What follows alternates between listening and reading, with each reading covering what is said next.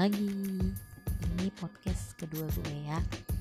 So, kemarin gue sempet uh, kasih pertanyaan atau gue merencanakan untuk memberikan pertanyaan ke halayak ramai Which is gue coba lempar ke Instagram gue.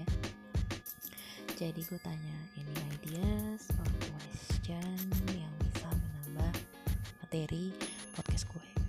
Nah, makasih buat feedbacknya dan gue gak nyangka banget ya responnya lumayan hmm, banyak dan lumayan ada beberapa yang PR yang mungkin harus gue cari bahannya tapi ada beberapa juga yang itu udah di luar kepala. Dan ada beberapa juga yang gue harus tanya dulu sama orangnya. Ini maksudnya kalian mau gue ngapain ya? Jadi gue sebutin satu-satu dulu ya yang pertama itu fangirling dan K-pop. Well everybody knows. Ya karena gue sangat sangat kokoreaan I admit it ya memang gue emang seorang fangirling. Dari salah satu sebuah band besar world global K-pop. Nah yang kedua itu drakor dan sinopsisnya okay. eh, beberapa kali memang sih ada sempet orang-orang bilang eh mbak gue screenshot setiap IG story Korea lo karena itu jadi list drama gue apalagi semenjak WFH itu kayak jadi playlist gue buat nextnya gue nonton drama apa lagi nih gitu gue sangat sangat senang kalau memang ternyata drakor yang gue tonton itu uh, juga mengundang orang lain untuk menonton dan ternyata responnya pun positif. Jadi menandakan bahwa ternyata selera gue juga nggak jelek-jelek banget gitu kan. Atau mungkin ya bisa dibilang gue sebenarnya tidak semua drakor gue tonton. Tapi gue lumayan agak picky juga sih untuk drakor sebenarnya. Atau biasanya bahkan pernah kok ada e, beberapa kali drama itu idola gue tapi karena ceritanya juga tidak terlalu selera gue jadi gue memutuskan untuk tidak melanjutkan menonton. Karena mungkin menurut gue either terlalu berat atau bisa jadi ceritanya terlalu plain. Nah nextnya ini gibah. Nah ini yang gue belum dapet jawabannya ya. Yang dimaksud gibah ini gibahin siapa ya? Gibahin gue gitu kan. Kalau memang gibahin gue berarti akan ada orang-orang yang terseret dengan gibahan gue which is yang terkaitan sama gue. Dan kayaknya gue harus memilih-milih dulu ya kira-kira. Siapa ya? Uh, maksudnya gue enaknya gibahin gue lagi sama siapa gitu kan? Uh, nanti soalnya gue belum dapet jawaban ini gibah yang mana nih? Atau gibah artis atau gibah drakor atau gibah Korea? No nextnya. Survive to for any condition. Ini juga gue lagi tanya sama orangnya. Uh, example-nya apa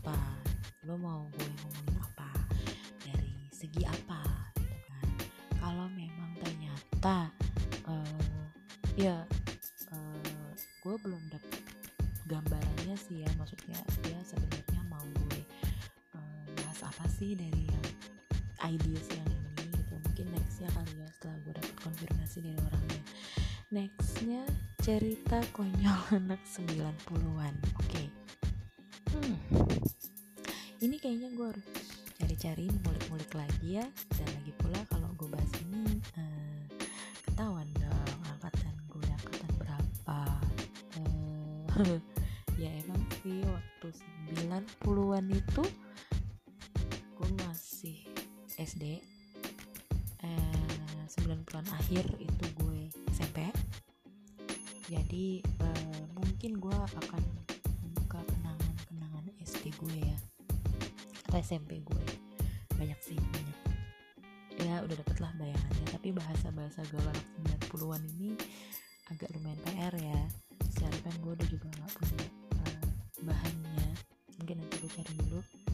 kasusnya perkantoran.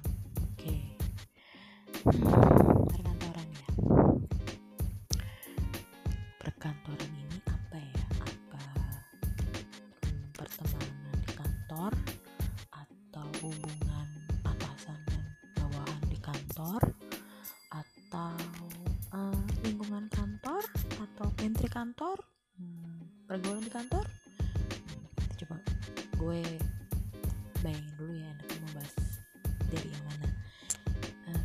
Terus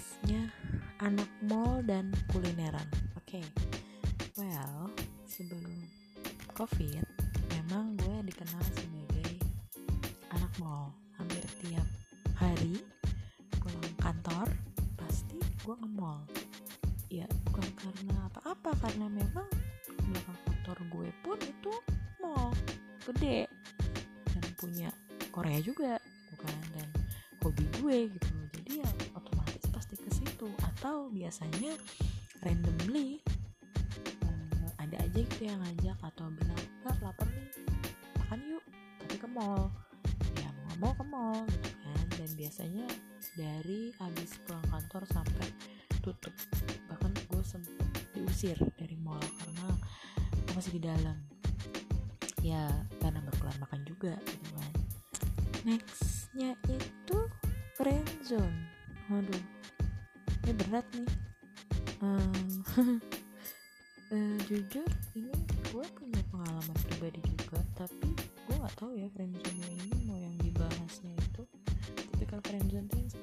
sih atau pengalaman gue ketika gue di friendzone orang tuh gimana hmm, kok agak jelek diri gue sendiri ya tapi ya sudahlah ya nah, nanti coba gue membayangkan dulu enak bahas friendzone ini dari sisi yang sebelah mana festival musik oke okay. hmm. festival musik mungkin ini karena ada beberapa orang yang pernah lihat IG gue warawiri uh, nonton konser terus festival musik dan entah mungkin mereka pengen tahu tipsnya kah atau uh, apa sih yang gue rasain ketika di konser itu atau sebenarnya dapat apa sih dari nonton konser atau festival musik? Nah nanti coba gue uh, gitu lagi ya.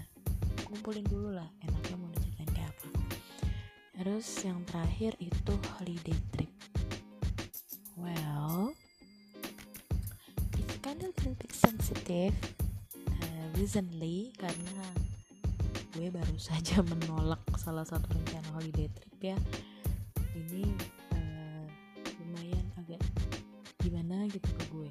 Tapi kalau pengalaman gue sendiri sebelum covid memang gue beberapa kali atau hampir setiap bulan pasti gue ada holiday trip. Either itu hanya short getaway atau hanya staycation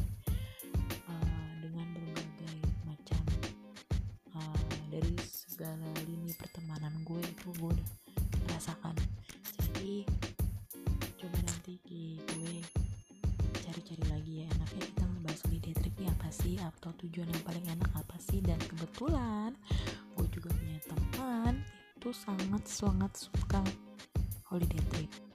Bahkan dia sampai bikin nama IG-nya itu uh, titik titik titik laku melaku kalau orang tahu pasti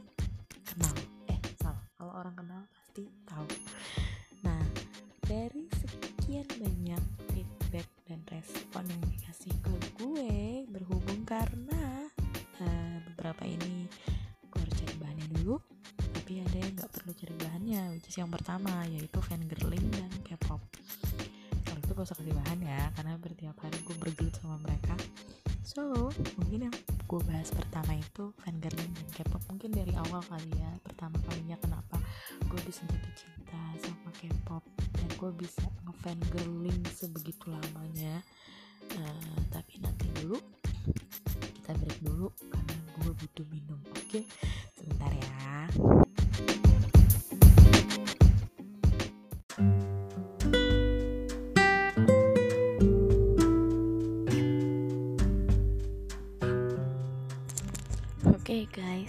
lagi. Oke, okay, untuk yang pertama, uh, aku aku akan menceritakan tentang fangirling dan K-pop. Jadi ya, ini sebenarnya sih uh, udah sering banget banyak orang bertanya sama gue dan juga udah sering banyak banget uh, gue kasih tahu dan gue omong-omongin juga. Jadi bahan obrolan gue juga kalau makan siang. Bahkan uh, di kantor gue yang sekarang pun itu uh, Sabtu pertama kali masuk uh, gue menemukan beberapa orang yang hobinya sama bahkan tergolong edik. Bahkan uh, satu bulan setelah gue masuk uh, ada satu orang uh, teman dekat gue dia pergi ke Korea untuk liburan. Jadi ya gue nitip lah gitu kan sama dia. Nah um, kenapa gue sangat edik bukan K-pop ya tapi bisa dibilang Korea. Jadi ini diawali dari tahun 2000 uh, sebentar gue lupa 2000 berapa? Sekitar 2004 atau 2003 ada drama Korea masuk pertama kali banget ke Indonesia which is di Indosiar yaitu Endless Love. Everybody knows pasti about this drakor Endless Love yang main Song Hye Kyo, Song Sang Won Bin, satu lagi gue lupa siapa. Nah, nyokap gue tuh sangat sangat ngefans banget sama drama ini. Gue waktu itu masih buta banget kan tentang drama Korea. Jadi gue pikir waktu itu Mandarin, bahkan sempet Jepang. Karena baju sekolahnya tuh kayak baju sekolah Jepang kan Nah terus dari situ terus uh, ketemulah Full House. Ada Rain sama Sengakyo lagi. Nah di sini gue udah mulai kenal yang namanya soundtrack. Nah waktu dulu itu kan nggak seperti sekarang ya media sarana media itu mudah sekali untuk mendapatkan kekoreaan. Jadi gue berjuang untuk nonton YouTube ya terus uh, sampai uh, bela-belain beli CD di di Stara Stara Megastore if you ever know ever heard about this brand lu be orang lama banget. Nah itu. Terus akhirnya di situ gue uh, tahu nih oh ini soundtrack ya ini ternyata Korea gitu dan gue masih belum mendalami itu. Terus uh, lanjut ke tahun 2000 berapa ya? Gue lupa. 2005 atau 2006 itu Inuyasha. Itu anime Jepang. Dan gue sangat sangat suka dengan salah satu soundtracknya. Oh ya 2008 nah soundtracknya ini ternyata yang nyanyi itu Boa. Dan Boa itu idol K-pop. Dulu gue pikir dia Jepang. Terus gue coba cari-cari tahu gue nonton videonya.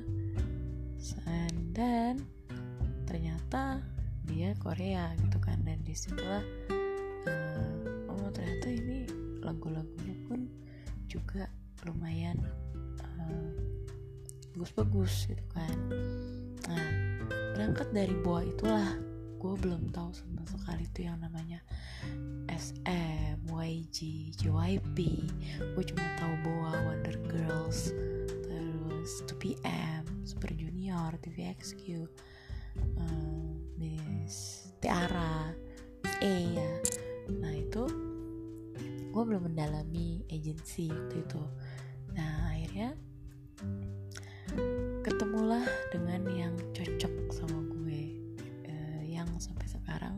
pun uh, kalau dibilang orang bilangnya ngestan agency ya tapi akhirnya gue jatuh cinta dengan SM Entertainment karena di situ ada Boa, ada Super Junior, ada TVXQ waktu itu ada Kangta. Nah, uh, mulai sangat-sangat bukan sebelum sangat banget tapi mah mulai mulai ega ega edik itu ketika Super Junior.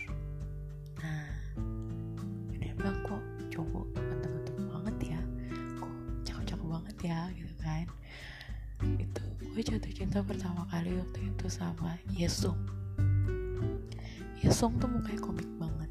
Terus uh, dan gue belum tahu ya kalau julukan uh, yang ngefans Super Junior itu Elf uh, fandomnya Everlasting Friend nah gue belum bisa menyebut diri gue itu adalah elf waktu itu karena gue masih setengah-setengah gitu kan masih yang masih kecampur Jepang masih kecampur Mandarin gitu kan. Nah uh, mulai mulai edik ketika Super Junior datang ke Indonesia. Nah itu baru itu heboh dan baru tuh mulai uh, aware sama semua personilnya Super Junior sampai oh ternyata mereka kalau dalam satu grup itu ada yang namanya leader. Nah kalau di SM Entertainment leader itu pasti yang paling tua. Kalau di YG Entertainment leader itu biasanya yang paling banyak talentanya atau menciptakan lagu atau produser musik. JYP gue gak terlalu mendalami JYP ya tapi seingat gue hampir sama sih kayaknya. Yang paling tua juga nah terus uh, akhirnya gue um, ternyata nggak cuma Yesung. Gue melihat ada Donghae di situ ada Anyuk di situ. Entah kenapa gue nggak terlalu suka sama Siwon tapi gue suka sama Kyohyun waktu itu. Ah Henry Lau waktu ada Super Junior M. Gue ini orang lucu banget gitu kan Henry Lau ini sampai dia bikin solo album waktu itu terus gue ikutin sampai gue bener-bener ini lagunya enak-enak banget gitu kan. Nah itu gue belum terlalu edik sama Korea jadi masih karena mungkin karena gue masih fokus gue baru lulus apa ya uh, masih berusaha mencari jati diri dan meniti karir ya dan masih still young and teenager so jadi gue masih yang uh, meraba-raba uh, dan juga pas gue lihat nah gue lihat mas dan gue lihat itu album Korea itu mahal banget dulu ya. Jadi gue baru mulai bergerak untuk pengen beli album itu ketika ada SNSD atau Girls' Generation. Nah uh, gue tempat tongkrongan gue itu dulu adalah di Stara Stara Megastore Haruka Musik ya. Terus gue lihat tuh harga-harga album Korea. Nggak ada tuh yang di atas 400 eh, di bawah 400 ribu. Albumnya Girls' Generation aja waktu itu paling murah. Harganya 480 ribu. Apa nggak ngerti ini album kenapa mahal banget gitu kan. Super Junior waktu itu harganya 4 hampir 500 ribuan gue gak ngerti lagi deh kenapa itu bisa semahal itu waktu itu. Dan gue tidak memutus, memutuskan untuk tidak membeli. Karena waktu itu gue masih uh, berkutat sama Harry Potter. Jadi gue masih menabung uang gue untuk membeli koleksi Harry Potter gue. Terus gue juga masih keranjingan yang namanya Westlife. Jadi setiap dia ada konser ke sini gue akan berusaha nonton masih kecampur sih. Nah mulai mulai semakin edik Korea itu ketika uh, nyokap gue itu almarhum nyokap gue itu wafat sakit 2008 uh, terus gue sempat memutuskan untuk uh, tinggal di Bandung sementara waktu di rumah om om gue. Nah uh, ketika di Bandung itu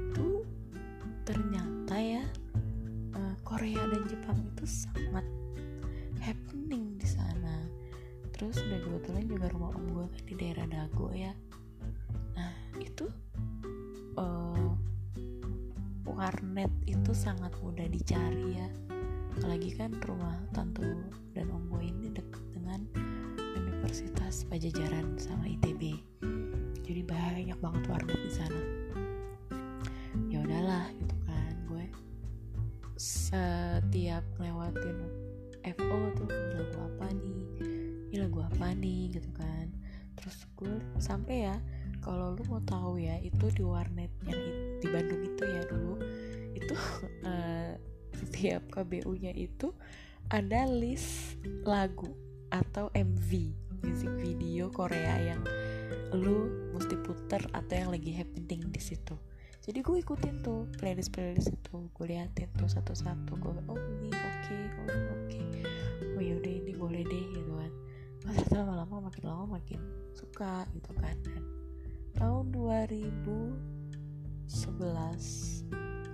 2012 lebih tepatnya uh, SM tahun SM Entertainment itu mengadakan konser SM tahun pertama mereka dan konser K-pop terbesar pertama di Indonesia. Itu itu SM nah di GBK itu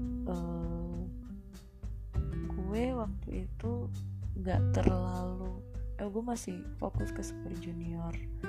Nah suddenly ada yang mengcover lagu Shiny Reading Dong itu situ EXO. Nah situ gue ih ini kok cakep kan? Kok lebih cakep dari Super Junior gitu kan. Nah waktu itu EXO K masih EXO K dan EXO M belum EXO. And then uh, dan gue juga belum mencari tahu banget. Dan waktu itu gue baru merintis karir gue debut gue di 2011 mau masuk 2011 akhir itu di dunia international ship forwarding dan itu dengan logo uh, rumah merahnya ya. Gak usah sebut merek lah ya.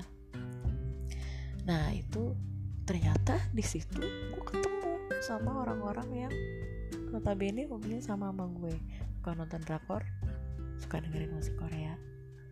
Udahlah semakin semakin kan. Terus yang satu suka ini ih gue juga suka ini iya gue juga suka ini gitu kan. Oh iya juga suka ini. Nah lagu pertama yang gue denger itu EXO Mama uh, bukan belum Mama History waktu itu masih History. Terus gue kayak kok lagunya lebih gak dibanding Super Junior ya? Aduh kayak lebih ngebangun nih. Secara kan gue waktu itu masih merintis karirku dari nol banget. Uh, masuki dunia gelapnya forwardingnya international supply chain ini masih buta jadi masih no clue. Uh, jujur uh, itu membantu mood booster gue setiap pagi. Terus tiba-tiba playlist di handphone gue dan uh, itu nggak ada tuh lagi lagu barat. Cuma ada lagu Korea doang. Nah lagu baratnya itu dari mana? Radio doang. Terus akhirnya dua hari nah terus terus terus sampai akhirnya gue uh, kayak entah kenapa gue jadi mencari uh, YouTube atau video musiknya EXO. Terus dan terus dan terus dan terus gitu kan. Sampai akhirnya nah gue sempet agak drop ketika mereka banyak yang keluar anggotanya. Uh, dari 12 waktu itu keluar tiga ya gue bilang ini kan ini kok udah bener kenapa harus ada yang keluar sih gitu. Kenapa sih gitu. Sampai akhirnya gue sempet agak cuek sedikit. Uh, and then makin ke sini ternyata gue tanpa sadar gue tumbuh bareng sama mereka. Jadi ketika gue masuk ke kantor si uh, rumah merah itu EXO itu pun baru debut sebagai uh, boyband nah K-pop group. Jadi gue uh, kayak gimana ya? Kayak jalan bareng sama mereka gitu loh. Jadi ketika gue mereka naik gue naik mereka naik gue naik gitu kan. Nah, terus itu menjadi salah satu booster gue juga. Dan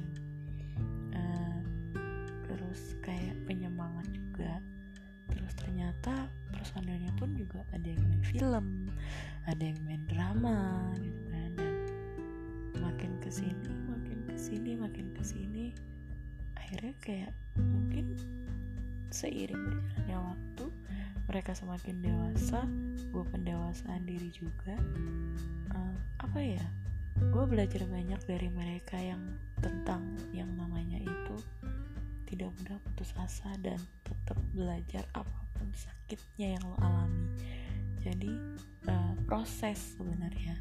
Jadi mereka itu benar-benar uh, prosesnya yang sangat gue hargai. Karena mereka menjadi satu K-pop grup besar itu nggak mudah.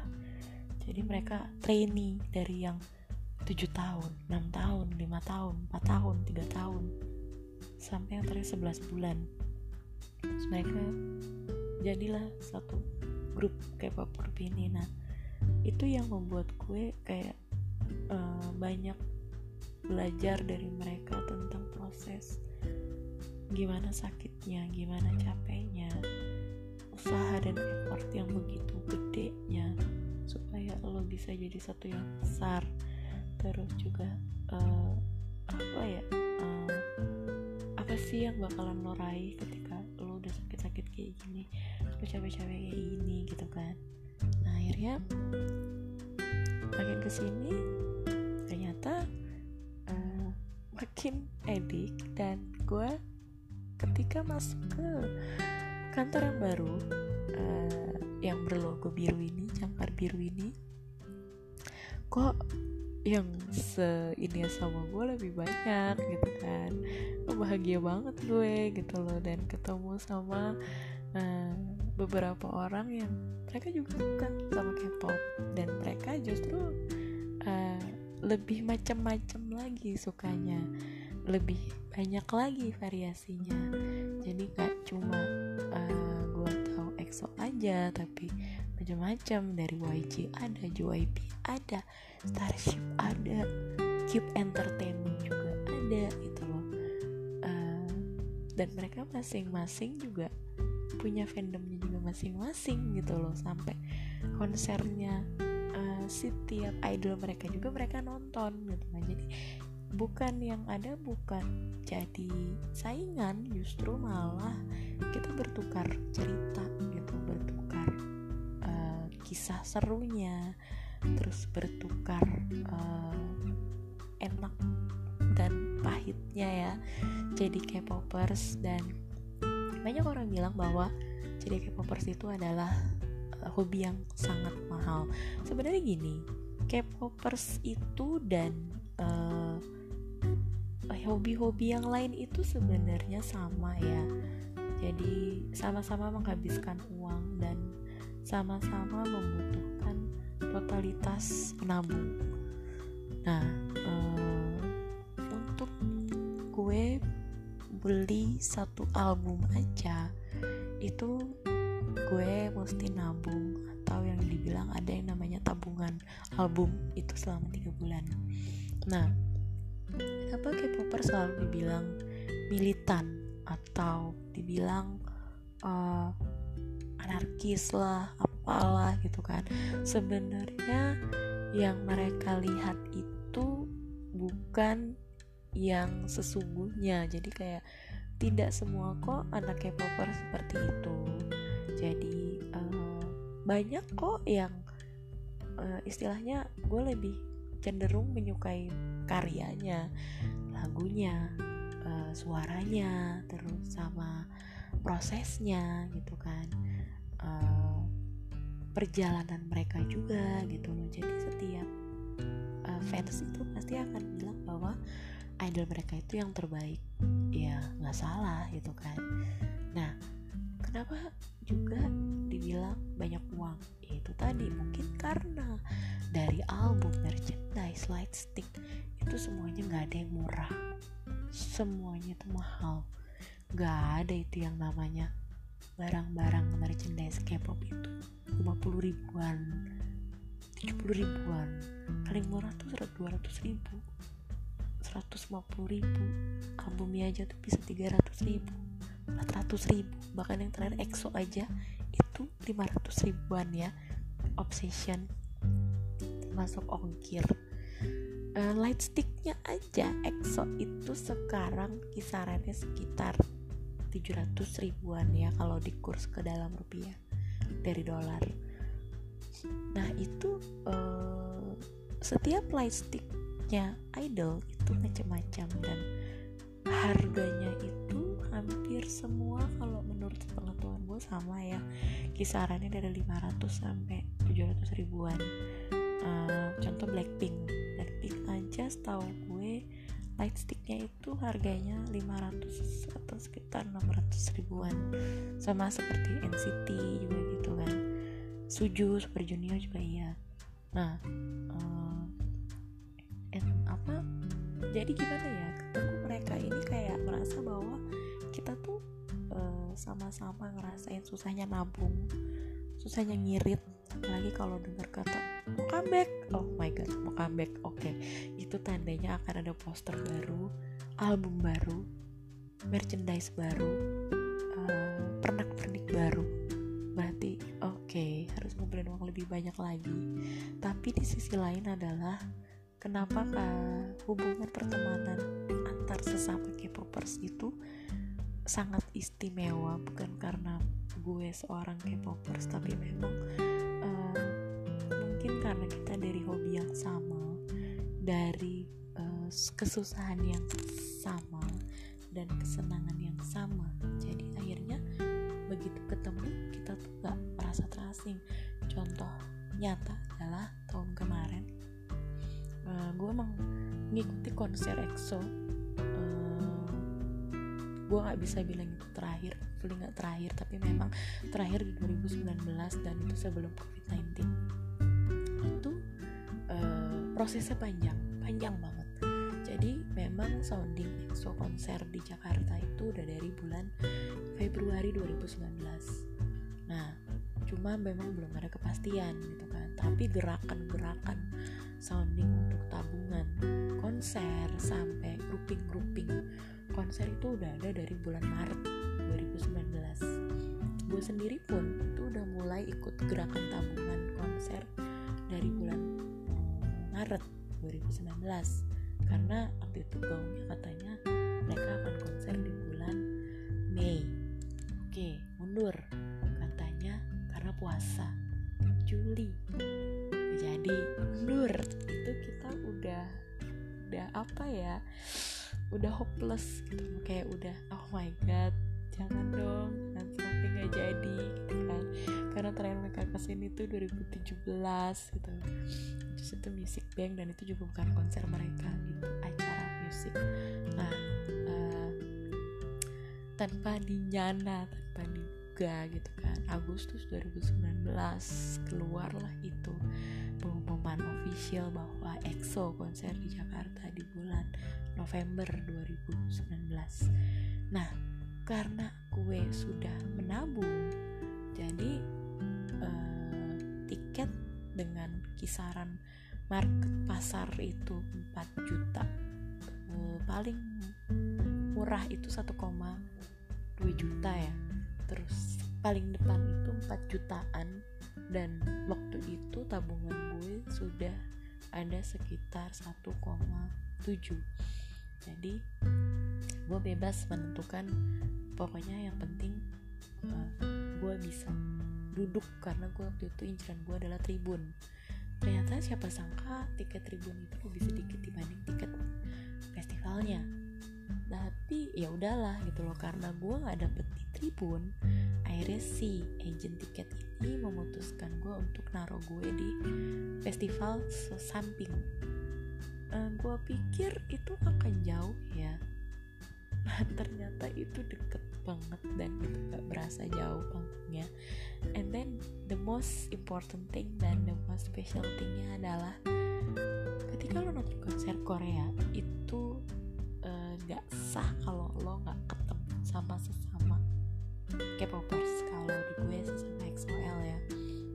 Kalau nama lamanya XOL itu Eris nah uh, sesama Eris kan terus uh, akhirnya dari grouping ke grouping ke grouping ke grouping. Jadi akhirnya kita di grouping berdasarkan tiketnya. Nah kebetulan gue waktu itu festival P. Uh, terus dikasih tahu karena kebetulan konsernya itu di ASBSD dan jauh dari rumah gue.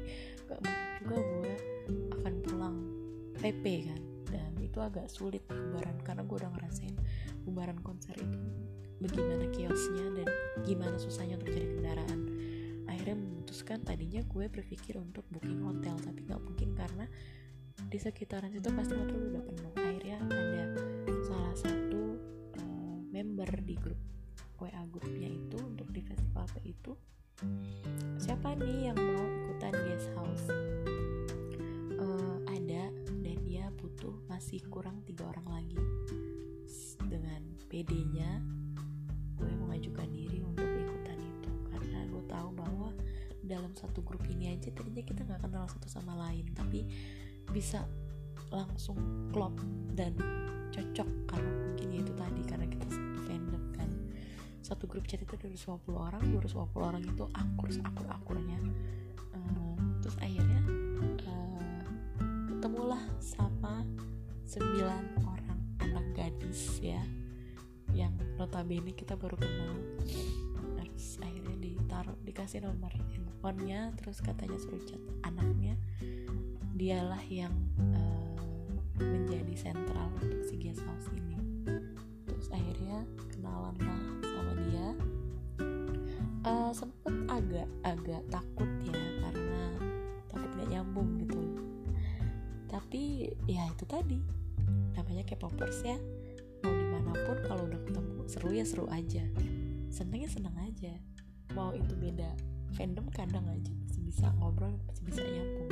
Terus akhirnya kenalan lah sama si anak ini uh, si anak gadis ini. Terus ngobrol-ngobrol-ngobrol uh, berdua seru udah udah heboh. Kak uh, kita masukin ya ke grup guest house kita. Oh oke okay, oke okay, gitu kan. Masuklah ke grup guest house dan itu situ ada kita bersepuluh waktu itu. Jadi dalam satu guest house itu eh, bersembilan.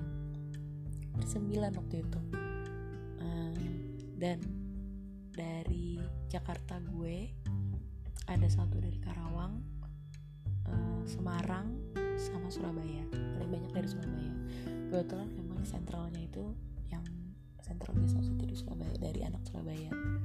Terus akhirnya awalnya belum ketahuan kan bentuk wajah mereka seperti apa sih itu gimana sih gitu. Terus kita nah e, mendekati hari konser berarti kan mendekati juga gue akan ketemu sama mereka pertama kalinya. And then e, hari hanya gue berangkat dari rumah terus sekitar jam 5 pagi karena konser dimulai jam uh, setengah tiga sore setengah tiga siang. Tapi gate itu akan dibuka jam 10 jadi gue harus nyampe di guest house itu at least jam 6 untuk persiapan segala macam.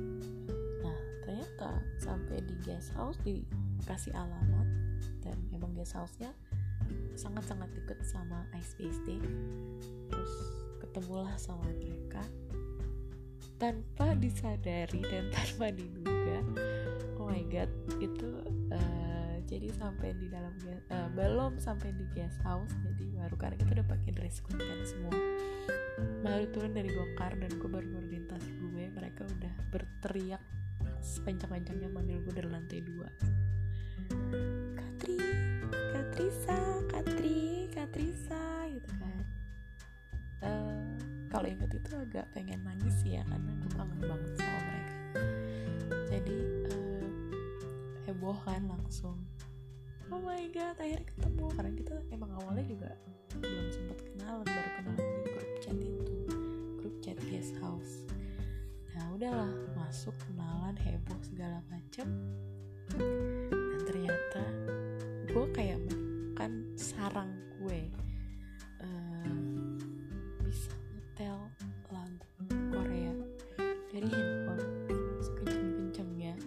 serumah nyanyi semua. Bareng-bareng.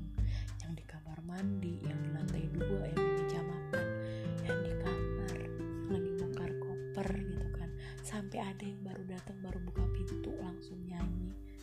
Itu uh, amazing sih ya. Gue merasa apa ya kayak menemukan adik-adik baru yang gue belum pernah ketemu circle gue kayak mungkin itu yang dibilang menemukan pecahan kepingan yang hilang. Jadi ya itu uh, dan sampai sekarang kita masih berhubungan deket banget apalagi di antara mereka ini kan banyak juga yang aslinya mereka itu K-pop supplier juga. Mereka juga suka jualan album mereka juga suka bikin event gitu kesempatan in kontak sama mereka itu pun juga masih intens gitu kan. Dan uh, sangat disadari bahwa setiap selesai konser idol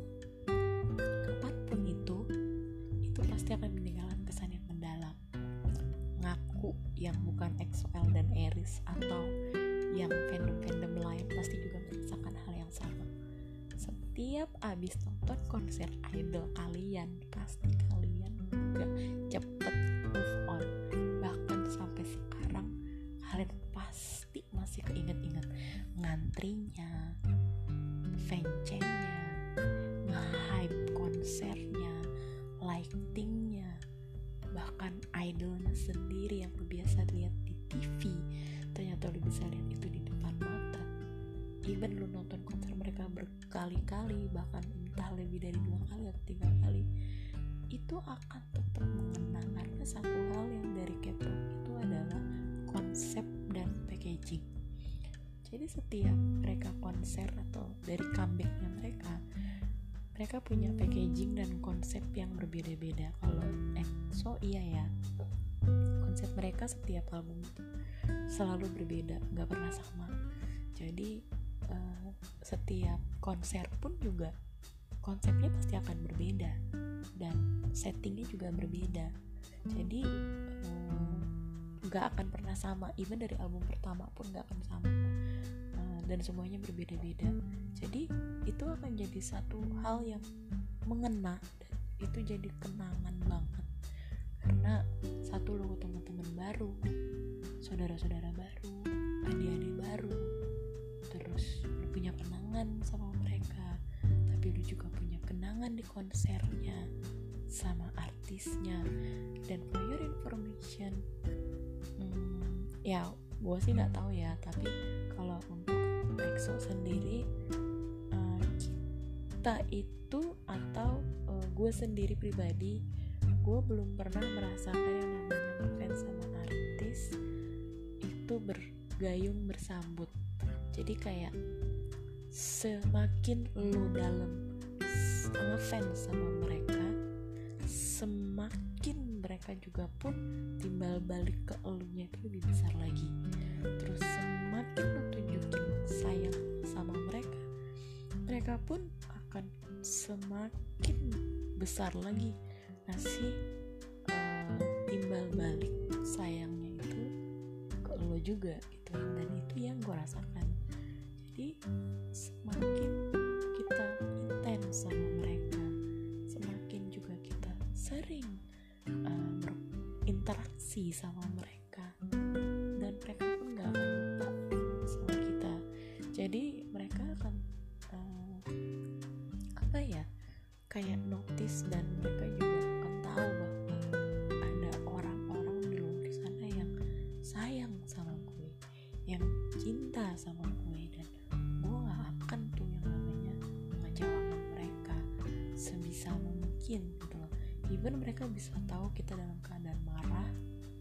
早，四点。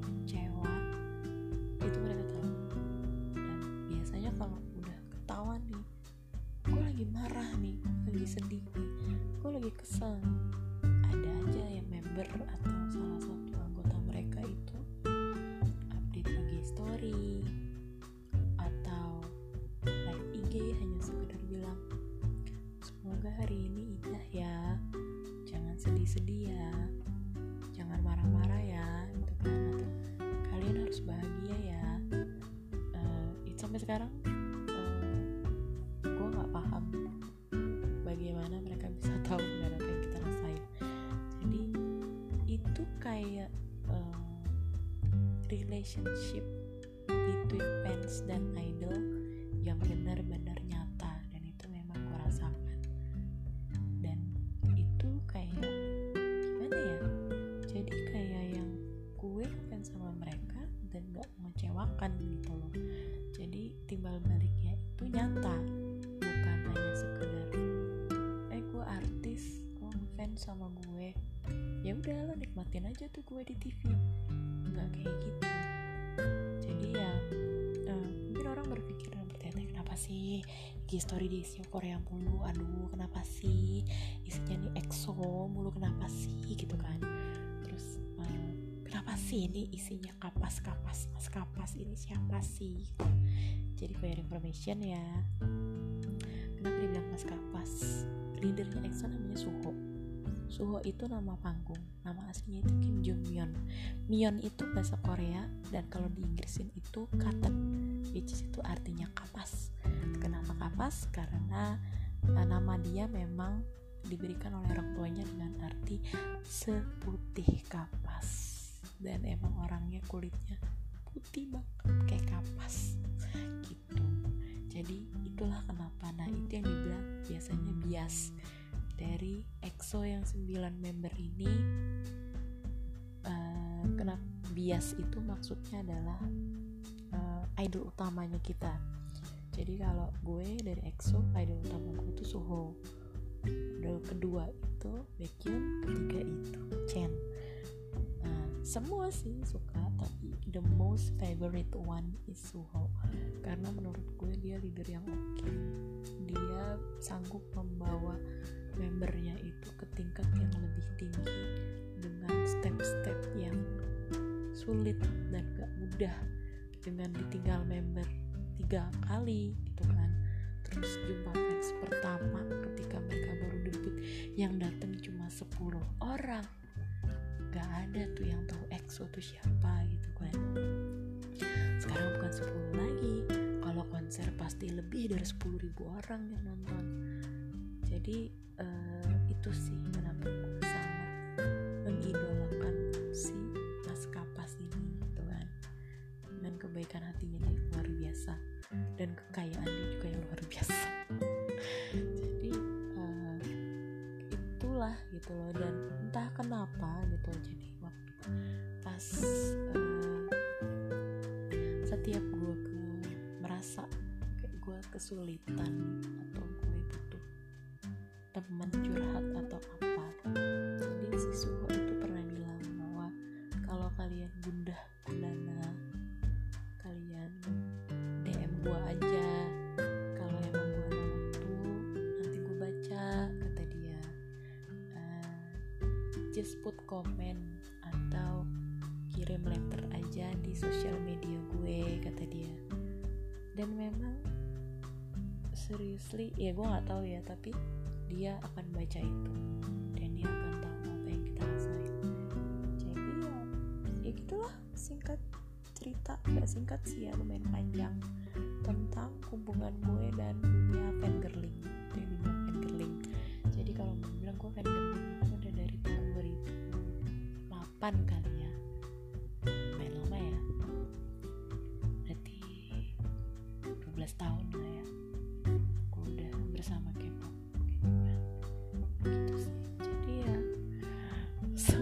kalian tidak kecewa ya tapi gue juga berterima kasih sama teman-teman K-popers gue di sana di luar sana terutama sama Eris sama XOL ada Iva ada Ida ada Iput ada Novrina ada uh, ada Henny ada Neni ada Keiko ada Gati ada Weni terus ada uh, Giza yang sekarang lagi sangat sibuk dengan penerbit buku barunya. Semoga sukses sama buku barunya. Aku nggak sabar tunggu buku kamu terbit. Uh, karena ini berdasar dari fanfictionnya dia karena dia suka sama Chanyeol ya. Uh, terus semoga buku dia sukses dan nggak sabar nunggu dikirimin bukunya. Juga teman-teman aku Eris yang lain semoga juga semakin sukses buat Neni sama Keiko semoga kehamilan kalian lancar dan anak-anak kalian ganteng kayak EXO. Jadi nanti ketika kita ketemu lagi semoga corona udah gak ada ya dan EXO juga udah bisa konser seperti semula. Nah, kita bisa kumpul lagi gitu ya. So guys mungkin kalau ada yang merasa kok kurang nih cerita bateri K-popnya nih kurang. It's okay. Kasih aja uh, idenya ke gue. Atau ih gue kayaknya over nih tentang fangirling dia. Gak apa-apa. Dikasih aja komennya. I'm open. Karena memang menjadi anak K-popers itu sangat-sangat uh, kan ya dan cibiran ya. Entah kenapa gitu kasih buat yang dengerin podcast gue hari ini. Wow it's almost one hour. So semoga nggak bosen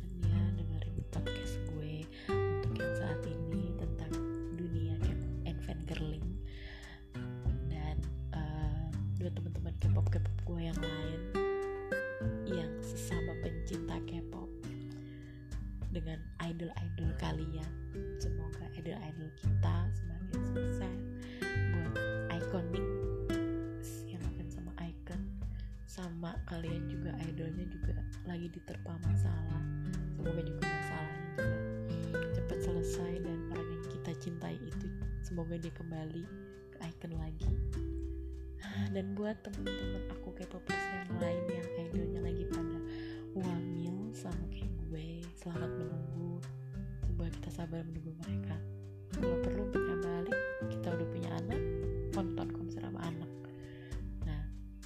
semoga kita ketemu sama orang-orang yang support sama hobi kita. Which is hobi kita yang tidak murah ini ya. Jadi uh, thank you guys sudah mau dengerin. Semoga nggak bosen. Dan itu cerita gue tentang hobi gue which is dunia K-pop and fangirling see you in my next podcast